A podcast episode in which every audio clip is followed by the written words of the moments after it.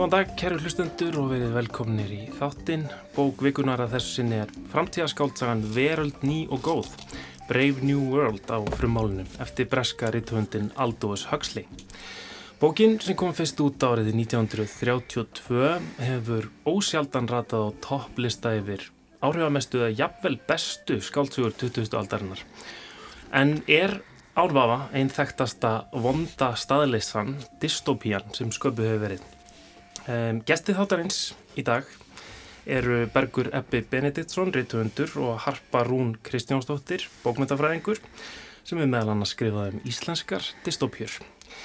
Eh, kannski áðurinn við förum í bókina sjálfa og ræðum um um, söguþráðun og annars líkt þá hérna, þetta er bók sem hefur, er oft lesin í framhaldsskólum og kannski skiljanlega stutt og augrandi þannig að það eru margir sem þekkja þessa bók Um, sjálfur við ekki en ég var ekki búin að lesa hana aldrei, það aldrei lesið hana fyrir núna í þessari viku. Hva, hvað með ykkur, Bergur Ebbi? Já, við lásum hann í MH á sínu tíma Já. og ég held að hún verið lesin þar mjög lengi að því að þetta var oft gott þegar hérna, það eru sumi bækunar lesnar þetta er svona þetta, ég veist í ennsku var þetta Brynum Völd og, og svo hérna Catchin in the Rye og svona frægar 20. aldar bækur og þetta verist að hafa verið einhver hefðalið frá 70 eitthvað því maður gæti hitt gamla nefndur en könnuðist við þetta. Einmitt. sem er alltaf svolítið gott. Komið þið harpa. Já, ég las hann eitthvað tíma bara sem úlingur þetta er úr einhverjum svona kiljuklúpi sem var til heima hjá mér. Og hérna, mér minnir samt að mér hafi þótt hún rosa leiðileg, ég var ung. Þannig að hérna, það var allt annað að koma að henni núna. Mm. Einmitt, einmitt ég, ég las hana einmitt líka eða sem byrjaði að lesa hana einhvern tíma fyrir þó nokkuð mörgum árum og ég hætti hreinlega, mm. en hérna en núna kláraði hana og það er ímislegt í henni En kannski, e, svo ég fari bara svona stutlega yfir sögutráðin, þá e, gerist sagan í London framtíðarinnar, nánar tilteki árið 2540 og allt samfélagsgerðin hefur verið mótuð til að tryggja pólitískan stöðuleika nattvæts alheims ríkis. Manneskjur eru hannaðar í tilraunaglösum og skilirtar andlega til að sinna tilteknu hlutverki í skýrt stjættaskiptu samfélaginu og vera sátt við hlutskipti sitt. Það er enda ekki mikið til að kvarta yfir, líf, líf fólks er eintóm þægilegheit, það nýtur stöðurar afturreyingar, nistlu og líkamlegra vellistinga, kynferðislegt lauslæti og stöðus félagskapar. Og eða finnum fyrir vott af óhamíkju færa það sér töflu af sóma, algjörlega skadalösu výmöfni sem kemur skapinu í lag. Sagan segir frá afdrifaríku stefnumóti tveggja tildulega vennilegra einstaklinga í efri stígun samfélagsins. Þetta eru Bernard Marx og Lenina Krán. þar sem þau halda í skemmtiferð í þjóðgarð í Ameríku á vendasvæði frumbyggja. Þar kynastu villimanninum John sem á sér svona tildulega áhugaverða sögu. Þau taka hann með sér yfir hinn siðmentaða heim þar sem hann vekur mikla aðtikli. John verður hins vegar fyrir miklu vombriðum með siðmenninguna sem hann hafi heyrt um. Í hans augum er við stöðuga og sífullnæða samfélag í raun og veru martraðakjönd. En það krefst stöðulengi þess að listum, trú og ást sé útýst úr samfélaginu. Hann gerir tilröðin til uppreistnar og, og kannski spil ég núna endinum fyrir með einhverjum, mishefnast hrapalega. Kannski áður en við förum í það að ræða bókina þá langar mig að skjóta inn hérna smá brotur viðtali sem ég tók við Átna Bergmann bladamann, ritthund og þýðanda. Hann hefur verið að pæla í staðleysu bókmyndum öruglega frá því áður en við öll þrjú fættumst um, og ég baði um að segja bara aðeins frá bókinni og, og staðsetja hana svona í þessari hefð staðleysu bókmynda Staðleysu skálsugur eru tvennskonar annars vegar eru það náttúrulega um gott þjóðfélag þar sem að all vandamál hafa verið leist og hins vegar og það er það sem ein, og það er einnkjanna síðustu öll, 20. öldina eru það þessar sögur sem að það sem að allt hefur farið á vestaveg Orvel hann fer nú ekki langt aft fram í tíma, hann skrifur þetta sína bók 48 og hún heiti 1984 og gerist á en uh, Huxley hann skrifur þetta 1931 og hann fer 600 ár fram í tíman en einhvað síður er þetta afskaplega nátengt öllu því sem er að gerast á hans tíma. Hann, hann, og hann gerir hann gerir eins og margir sagt hann framlengir á, sínar áðgjur til þess að grafa undan ódýri bjart sinni í lesandas nú, eh, nú er það kannski þetta er sérkjænlegt að því leiti sko að þetta heitir verald ný og góð og eh, hérna, þeir sem eru talsmenn þessa heims í sögunni þeir, þeir segja við höfum bara leist öll vandamál. Við höfum leist öll vandamál. Þetta er góður heimur. Og sannleikunni sá að flestir sem eru í þessum heimi og lifi í honum þeir eru sammála þessu. En af hverju eru þeir sammála? það er af því að þeir hafa verið frá uppafi frá því að þeir, því að þeir veru einn fruma, einn lítið fruma það saminist ekki hafa þeir verið skilirti til þess að sætta sig við allt eh, við allt sitt hlutskipti það, er að segja sko hér er, hér er á ferð allt mögulegt eh, sem er að gerast í erðafræðum og hérna og erðatækni og, og hérna, uppeldisfræðum og innrætingu og, og afþreyingar yðnaði og, og fjölmvila dálinslu og öllu, öllu mögulegu sem, að, sem að högsli á, á krepparunum þegar þetta hefur ágjur af. Og við höfum kannski ennþá meiri ágjur af og það, það sem er náttúrulega merkilegt í þessu öllu saman er það að við á okkar tímum árið 2019 við könnumst betur við okkur miklu betur við okkur í verald ný og góð heldur en til dæmis í Hrollvíkinni miklu 1984 sem byggir á, á, á, á óttanum við pólitíst alræði með hörðum og grimmum refsingum og sérstaða þessara sögu högsleis verald ný og góð í, í, í heimi þessara skáldsagna um þetta efni er með þessi sko að í hans heimi þá, þá eru er, er, sko í, í heimi eins og, eins og þeim sem Orwell lýsir þá er, þá er eh, þvingar valdið eh, sér upp á alla með ofbeldi, hörðum refsingum og óta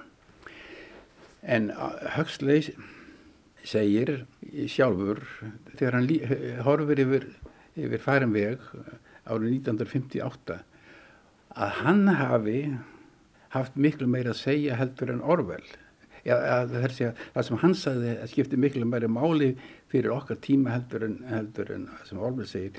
Vegna þess, vegna þess að, að aðferðir eins og notaðir eru til þess að búa til veröld nýju og góða séu miklu rótækari og endingabetri mm -hmm. heldur en að reyna að stjórna fólki með grimmu ofbeldi eins og Orwells lýsir með því að sparka í andliti af fólki endalust og Sagan segir náttúrulega frá þessu, frá þessu að uppæðilega fá að vita hvernig þetta fólk verður til það búið að sko, þessi, þessi veröld nýju góða með, sem þykist að hafa leist öll vandamál hún verður til með því að hafna öllu sem var Sagan skiptur ekki máli hún, hún er bara vittlis eins og Ford segir.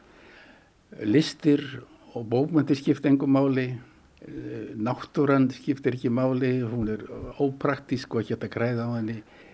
Eh, sterkar tilfinningar eh, trubla bara samræmið í þjóðfélaginu og, all, og þarfandi gödum það er búið, það er búið að, að, að forna þessu öllu saman fyrir þessa hamingju og þessa neyslu gleði sem er kjarni málsins í þessu þjóðfélagi og þetta byrjar á, á því að, að hérna, það er fyllað við, við erðaefni mannsins og hver hópur í samfélaginu fær sinn skamt af gáfum og hæfileikum til þess að hann muni alltaf sætta sig við hlutskiptið sitt. Þetta er stjættskipt þjóðfélag en stjættaskiptingin verður ekki vandamál vegna þess að allir eru aldir upp annarkvort með erðafræði eða með páláskum aðferðum með því að skapa skilirt viðbröð eins og þegar krakkandi litlu eru kent í dásvefni og svo eru, eru þau með raflosti gera hrætt við bækur og blóm og svo framvegis. Og þetta sem sagt gerða verkum að eins og einn yfirstjóðandi segir allir fá það sem þeir vilja og þeir vilja aldrei annað en þeir fá. Og Og þetta er náttúrulega allt saman ádreipa á, á, á neslu þjóðfélagið, á fjöldaframlistun, á vélvæðingu vinnunar. Já, þetta var Átni Bergmann, ritthöndur, bladamæður, þýðandi og margt, margt fleira. Um, Bergur Ebbi og Harpa Rún, þið setjið hérna hjá mér, ætlum að ræða þessa bók núna næsta hálftíman eða svo. Brave New World, veröld ný og góð. Um, sko, það kannski kemur svolítið skýrt fram hjá Átna og, og í mínum engang líka á þann að kannski það sem er fyrst og fremst áhugavert við þessa bók er heimurinn sem er skapaður kannski ekki endilega söguþráðurinn. Hvað hérna um, persónulega fannst mér hún eiginlega aldrei neitt eitthvað svona sérstaklega spennandi það er að segja sagan sjálf. Hvernig, hvernig finnst ykkur bókin þessu leitin til? Mm, Personar eru náttúrulega svolítið velar sko, þeir standa bara fyrir ákveðin gildi og, og það er mjög þýpist í dystopjum það er alltaf þessi sami þráður uh, það er ákveðið samfélag svo kemur uh, einhver sem vill brjótast gegn því og það tekst eða tekst ekki og sagt, uh, það er að lesa þetta í nánast öllum dystopjum sem skrifaðar hafa verið alveg hérna Þannig að nei, þetta er oft hugmyndadrifin skálskapur, mm. kannski frekar heldur en sko, eitthvað sem á heillamann. Maður tengist þessum personum ekkert mikið, eða ég segi fyrir mig. Já, ég meina að það er rosalega miklum tíma eitt í að byggja upp heiminn og personunar eru ekki alveg kynntandi leiks bara fyrir að það er frekar langt liðið á. Og það er röglega, já, svona uh, kannski ekki alveg hérna, til fyrirmyndar svona til þess að láta mann líða þægilega gegnum sögu. En hins vegar held ég að það sé uh, hafi sagt um, það sé, tímanu sé samt vel varið sko. Og ég held að það sé ástæðan fyrir þessi bók er svona áhrifamikil er út af því að það er mjög miklum tíma eitt í svona tæknilegar útvarslur og láta þennan heim vera svona raumurlegan fyrir fólki.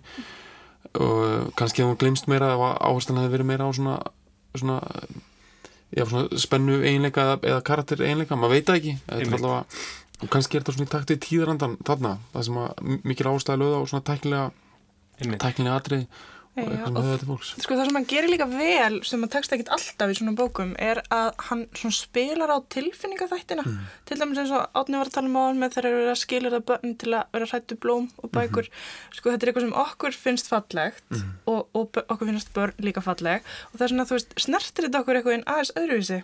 Heldur en til dæmis Marti eins og til dæmis bara 1984 -hmm. sem er svo rosalega velræn en það er líka svolítið áhugavert varandi sögutráðin og, og sko aðalpersonunar að það eiginlega byrjar á því að, að þessi e, Bernard Marx sem að e, starfar á sálfræði skrifstofu e, hvað kallaði þeirra Um, einhvers konar mannesku faktoríu mm -hmm. versmiði mm -hmm. um, hann virðist alltaf verða aðalpersonan en svo eiginlega kemur í ljósa hann er ekkit endilega aðalpersonan það er kannski er þessi villimaður John og mm -hmm. það er svona mhm það er eiginlega verið að blekja mann nánast þannig byrjun. Mm -hmm. það er svona skiptist hver er aðalpersonan Já, hann líka ætlar að gera uppreist en svo bara hættir hann við. Mm -hmm. það, hún, hún mistakst í geinu sinni það, það er hann, hann hún að kenna, hann bara gengur alveg tilbaka. Og meðan að John allavega reynir sko. Það, það kannski verða hann síðan ofviða. Mm -hmm. Einmitt. Um, eins og Átni Bergman talaði um áðan þá á högstleir náttúrulega í fyrst og fremst í, í samtali við sinn eigin samtíma þarna með þessari bók hann er að taka einhverja svona áhyggjur sem hann hefur og, og draga þær inn í framtíðin að sjá hvernig það getur spilast hvernig finnst ykkur að, að lesa þessa bók núna? Finnst, finnst ykkur hún eiga í einhverju samtali við okkar samtíma? Er hún að segja eitthvað við okkur um, um, og á hún í samtali við okkar áhyggjur?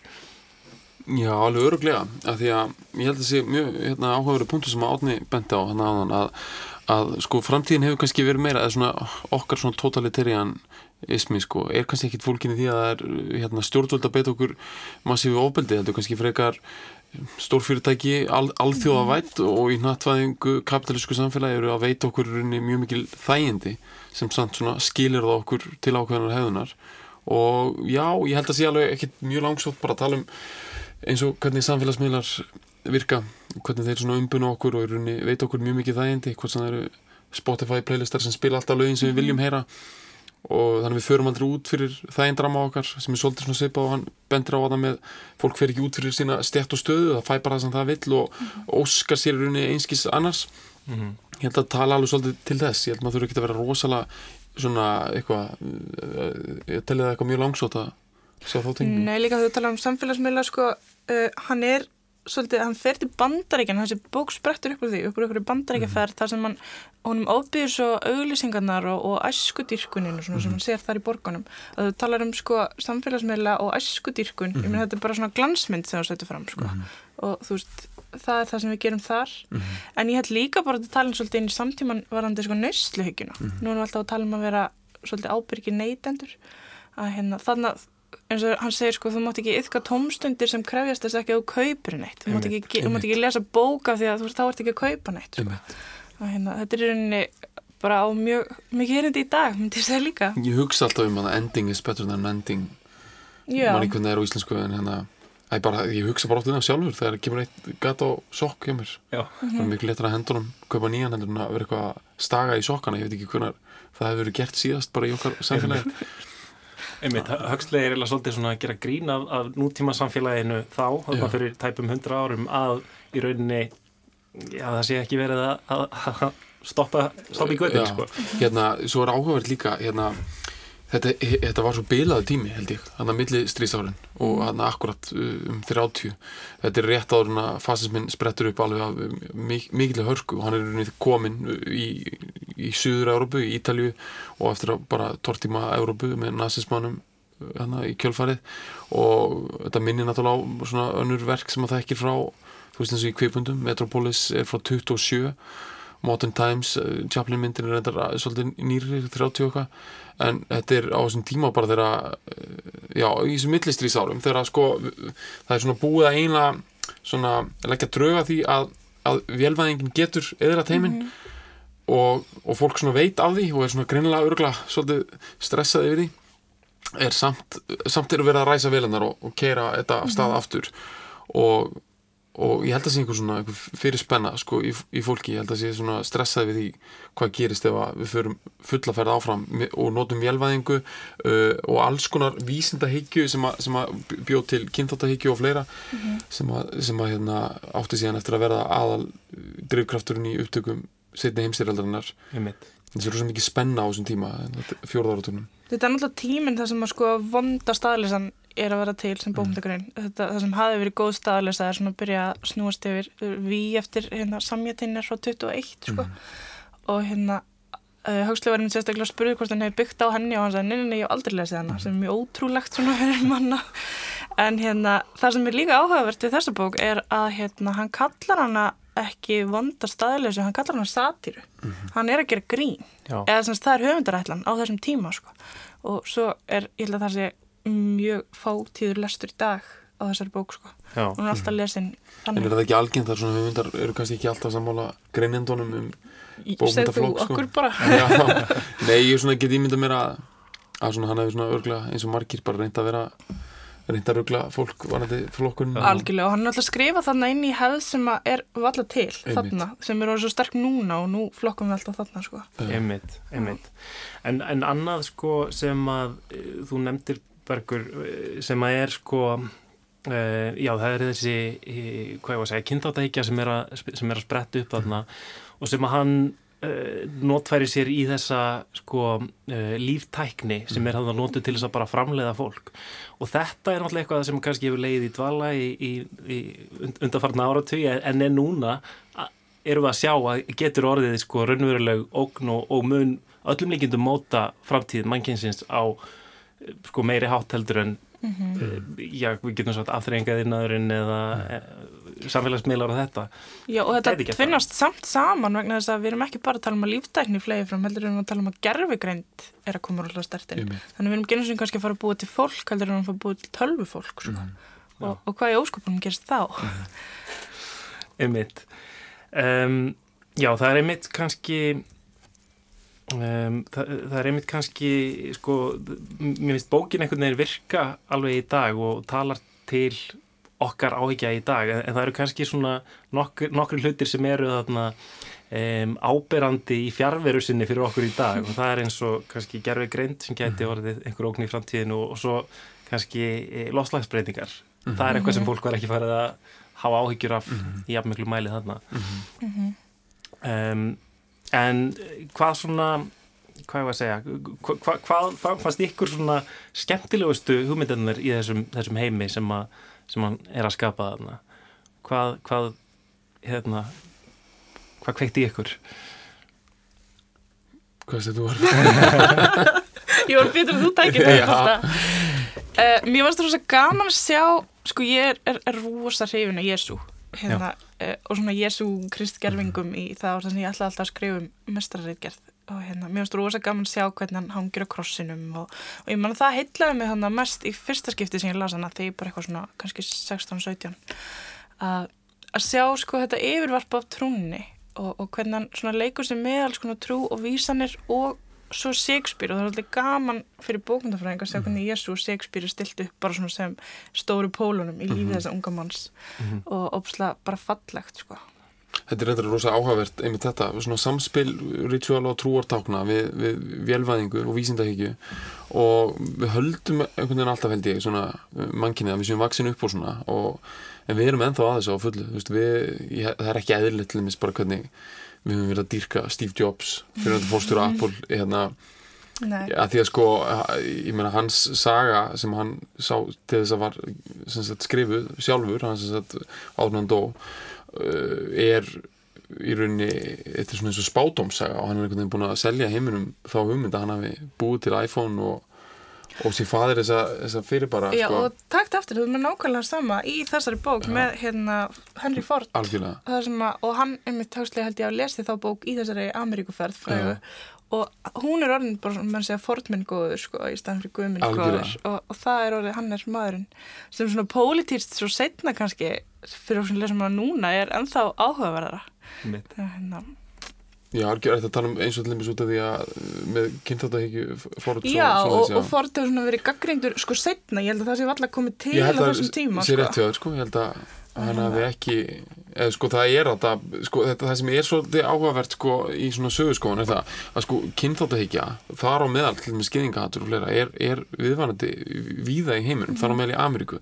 Og, og sem sagt núna er það náttúrulega eðlilega að skrifa mjög mikið á, á hérna á, að það er mestir í Þýskalandi sem að náttúrulega var en, en þetta, eru, þetta eru hugmyndir og ákveðnar hugmyndir líka um, um genabætingu og, og höfulagsfræðin og allt þetta skilur um það að setja flokka fólk með, með í krafti vísinda eftir og sumur séu digður heldur en aðrir. Þetta eru hugmyndir sem eru í gangi alls þær í heiminum.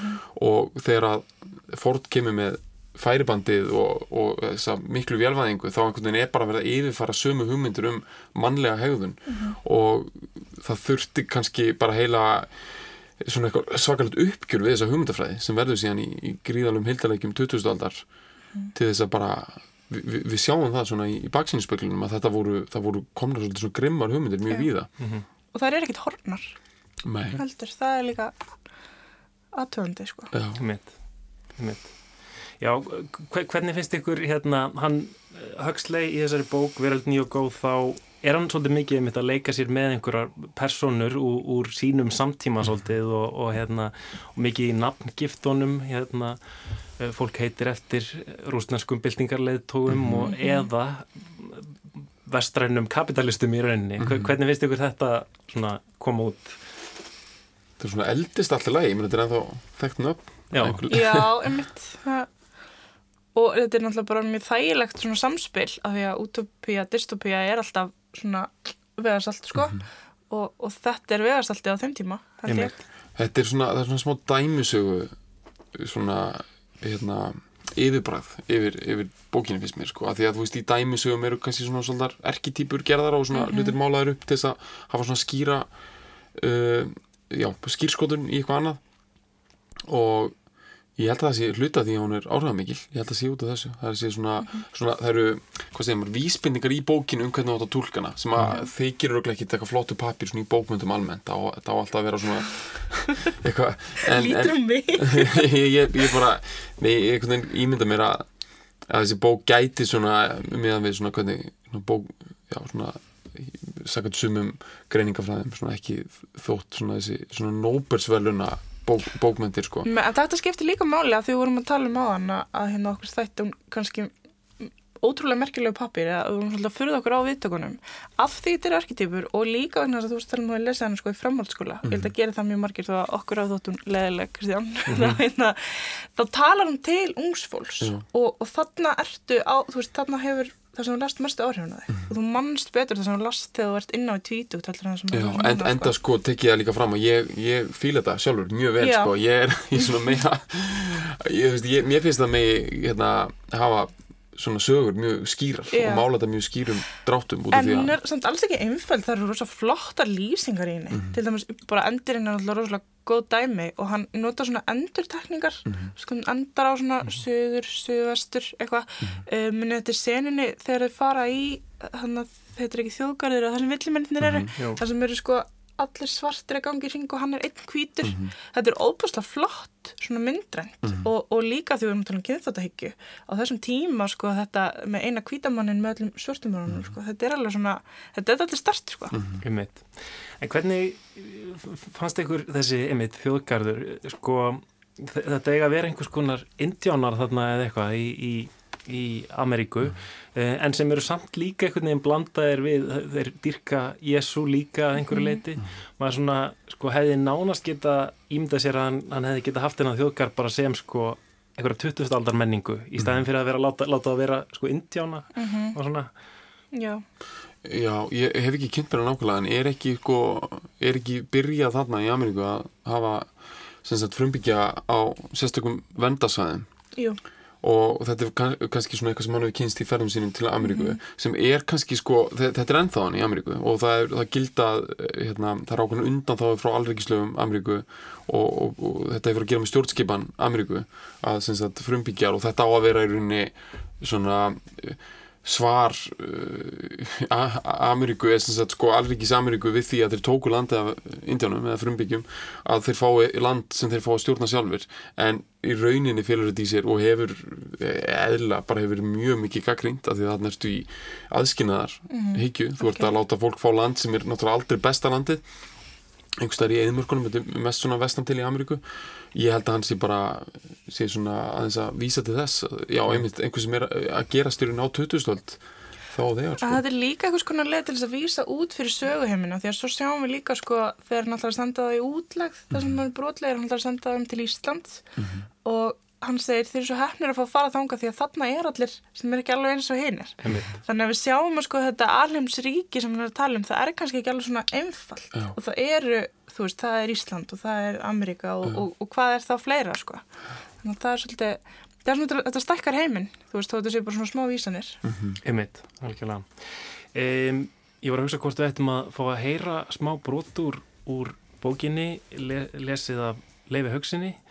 Þarna eru Bernard Marx og Lenina Krán á stefnumóti. Áður en þau fara reyndar í þjóðgarðin, en við skulum hlýða á stuttbrot. Á bakkaliðinni yfir Ermasundið vildi Bernard endilega stoppa. Hann frátengdi skrúuna og lit þyrluna hanga í minn en hundrað feta hæð yfir öldunum. Veðrið hafði vesnað. Komin var suðvestan stinningskaldi og skíabakkar á lofti. Sjáðu, sagðan, og það var skipunarreimur í röttinni. Þetta er hræðilegt, sagði Lenina og rökklaðist frá glugganum. Hún skeldist auðnun næturinnar og dökkar kvítiftar öldunar fyrir neðan þau. Hún skeldist gráan fölmánan í skíareikinu. Opnum fyrir útvarpið, fljótur. Hún tegði sig í mælaborðið, valdi stöð af handahófi. Hjá þér alltaf bjart var, sungu sextán titrandi rattir. Alltaf hlýtt var, hyggsti og þögn. Bernhard hafi lokað fyrir útvarpið. Ég vil fá að horfa á hafið í friði, sagðan. Maður getur ekki eins og hort þegar þessi djöfuls háaðir í gangi. En þetta var svo fallegt og ég vil ekki horfa, sagði Lenina. Ég vil horfa, sagðan ákveðin. Mér finnst eins og, hann hikaði, leitaði orðum til að tjá hugsin. Eins og ég sé eitthvað meira en ég, ef þú veist hvað ég á við. Meira ég sjálfur, ekki aðeins brota af einhverju öðru, ekki bara fruma í þjóðalíkamannum. Finnur aldrei til slíks Lenina. Lenina var farin að gráta. Þetta er hræðilegt, hræðilegt, endur tók hún aftur og aftur. Og hvernig getur þú talað svona að vilja ekki vera fruma í þjóðalíkamannum? Þegar öll er á botnin kvólt, vinna allir fyrir alla. Við getum ekki án hvers annars verið. Jafnvel Epsilonar, já ég held ég viti það, sagði Bernard hæðnislega. Jafnvel Epsilonar eru nýtsamir. Ég er líka nýtsamur. Fjandin hafið það. Ég vildi að ég væri það ekki. Bernhard þó, hvernig getur þú sagt þvílikt og annað eins? sagði Lenína stórneiksluð á þessu ófordlega tali hans. Þannig las Leifur Haugsson brot úr Veröld ný og góð eftir Aldós Hagsley í þýðingu Kristjáns Oddssonar. Um, það var ímislegt í þessum, þessu litla broti um, en sko eitt af því er kannski að um, í þessum framtíðar heimi Huxleys þá er það um, heldin og þetta er svona svipað eins og í kannski 1984 sem hún er svo oft borin saman við. Þá er það þessa mikla áherslu á heldina og uh, einstaklingurinn einhvern veginn más, másins, másín lítils. Um, og þetta er kannski eitthvað svona sem að við í dag, ef hún væri skrifið í dag svona, svona bók þá er það, þetta kannski eitt af því sem væri við myndum hugsa öðri sum, sko óttinn okkar í dag er kannski ekki, ekki við þessa ógnarstjórn ríkisins endilega heldur Eh, kannski meira eitthvað svona upplaust þjóðfélagsins í einstaklings eh, En á endan þá finnst mér þetta alltaf að koma niður á það sama átti því að á þessum tímum eins og í dag þar sem að einstaklingurinn er hafinn mjög mikið upp og kannski þá er hann á sama tíma svolítið að flytjast út. Og ég veit að maður er kannski tegja svo of langt að fara að tala um svona samvitundar hugmyndir sko. En eh, hvernig hlutir trenda og hvernig fólk byrjar að hugsa rosalega mikið í, í bylgjum kannski í takt við, við hérna já, svona bylgjur samfélagsmiðlana og, og, og það verðist verið hægt að æsa múin upp í já, svona ákveðin múæsing á sviðbánhátt og kannski var á fjóruð áratögnum þegar útvarpar nýkomið og svona hægt að manipulera fólk á massavís.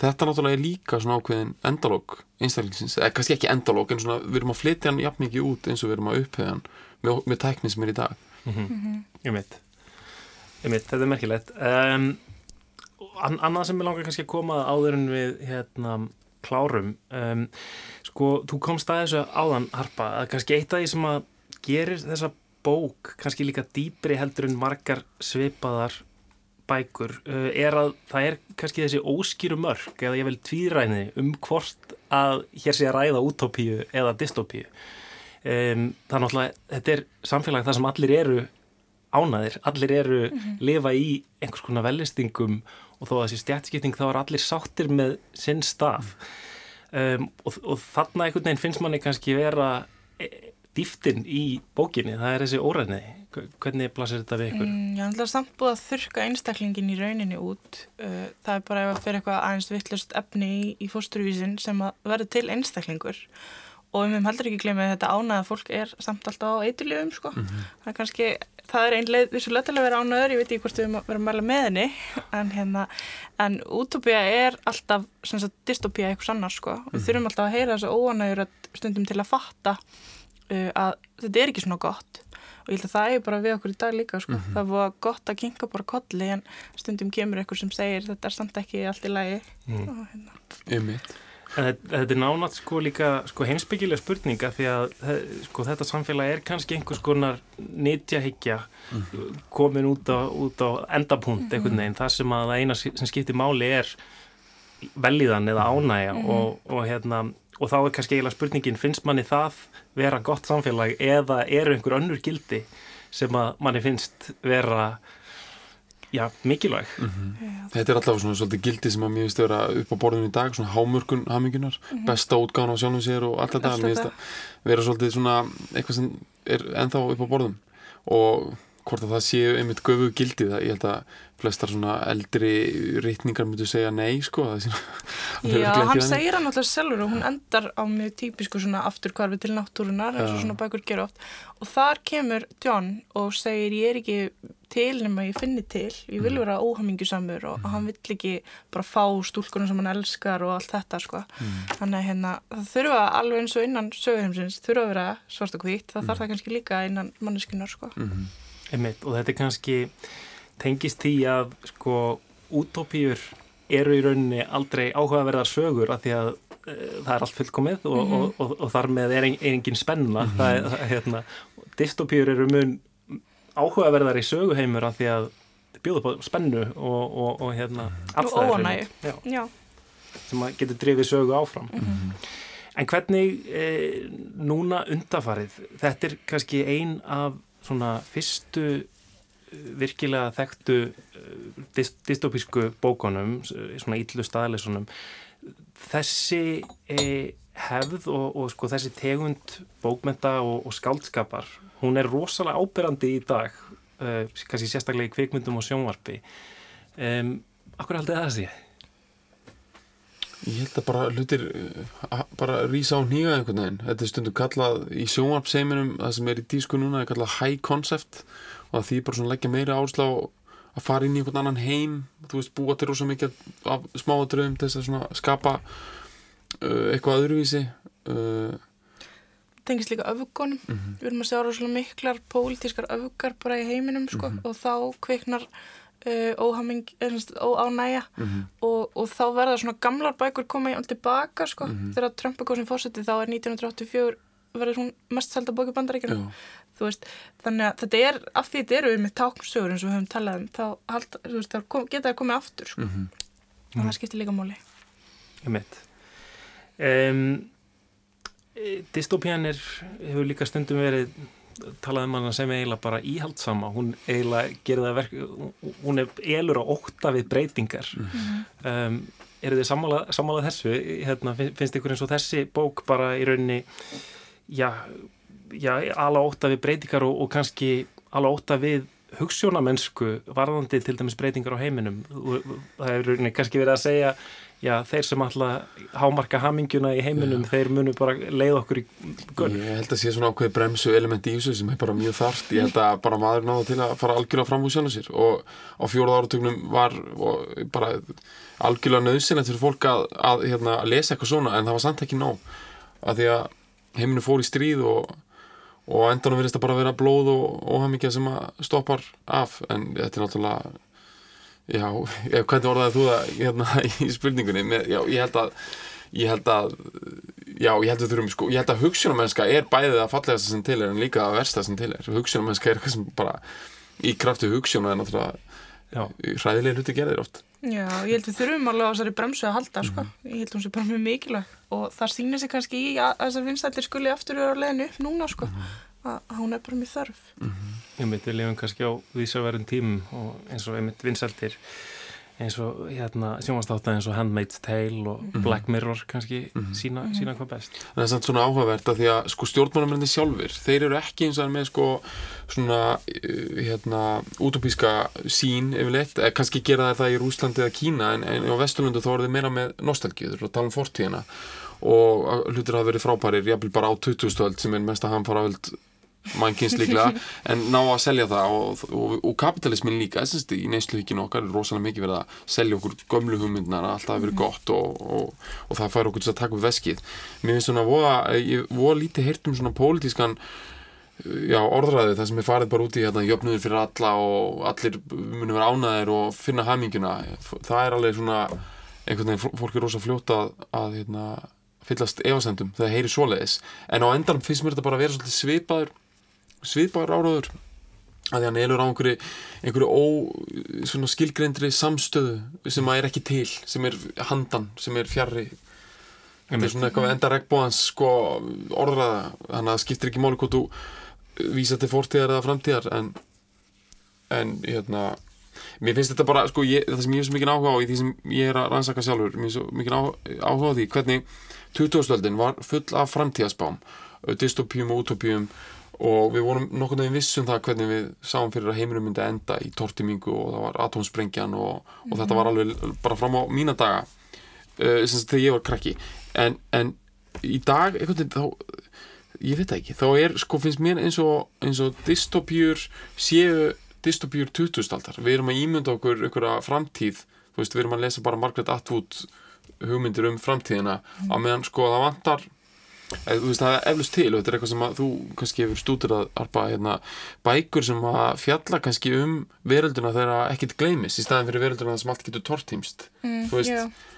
Sko það er rosa mikið enginni á bara öllum vondum staðlisum að það er enda á þessu afturkvarfi sem um. já. Við förum alltaf aftur í náttúruna og það bara verið eitthvað svona, þú veist, að rækta garðin sinn, sko. Það er Já. bara byrtingur aftur og aftur og aftur. einmitt Þannig að það er mjög áhugavert að það er eitthvað alltaf lausnin, sko. En kannski er það bara lausnin, ég veit ekki.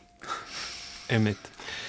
E, ég held að þetta sé bara komið hjá okkur, við sem komum á leiðarenda bókvikunar þennan sunnudaginn. Við vorum að spjalla hérna um skáldsöguna Veröld ný og góð eftir Aldós Huxley. Við lásum hana í þýðingu Kristjáns Oddssonar. Bergur Ebbi Benediktsson Harparún Kristjánsdóttir Takk kærlega fyrir komuna í bókugunar Takk fyrir okkur.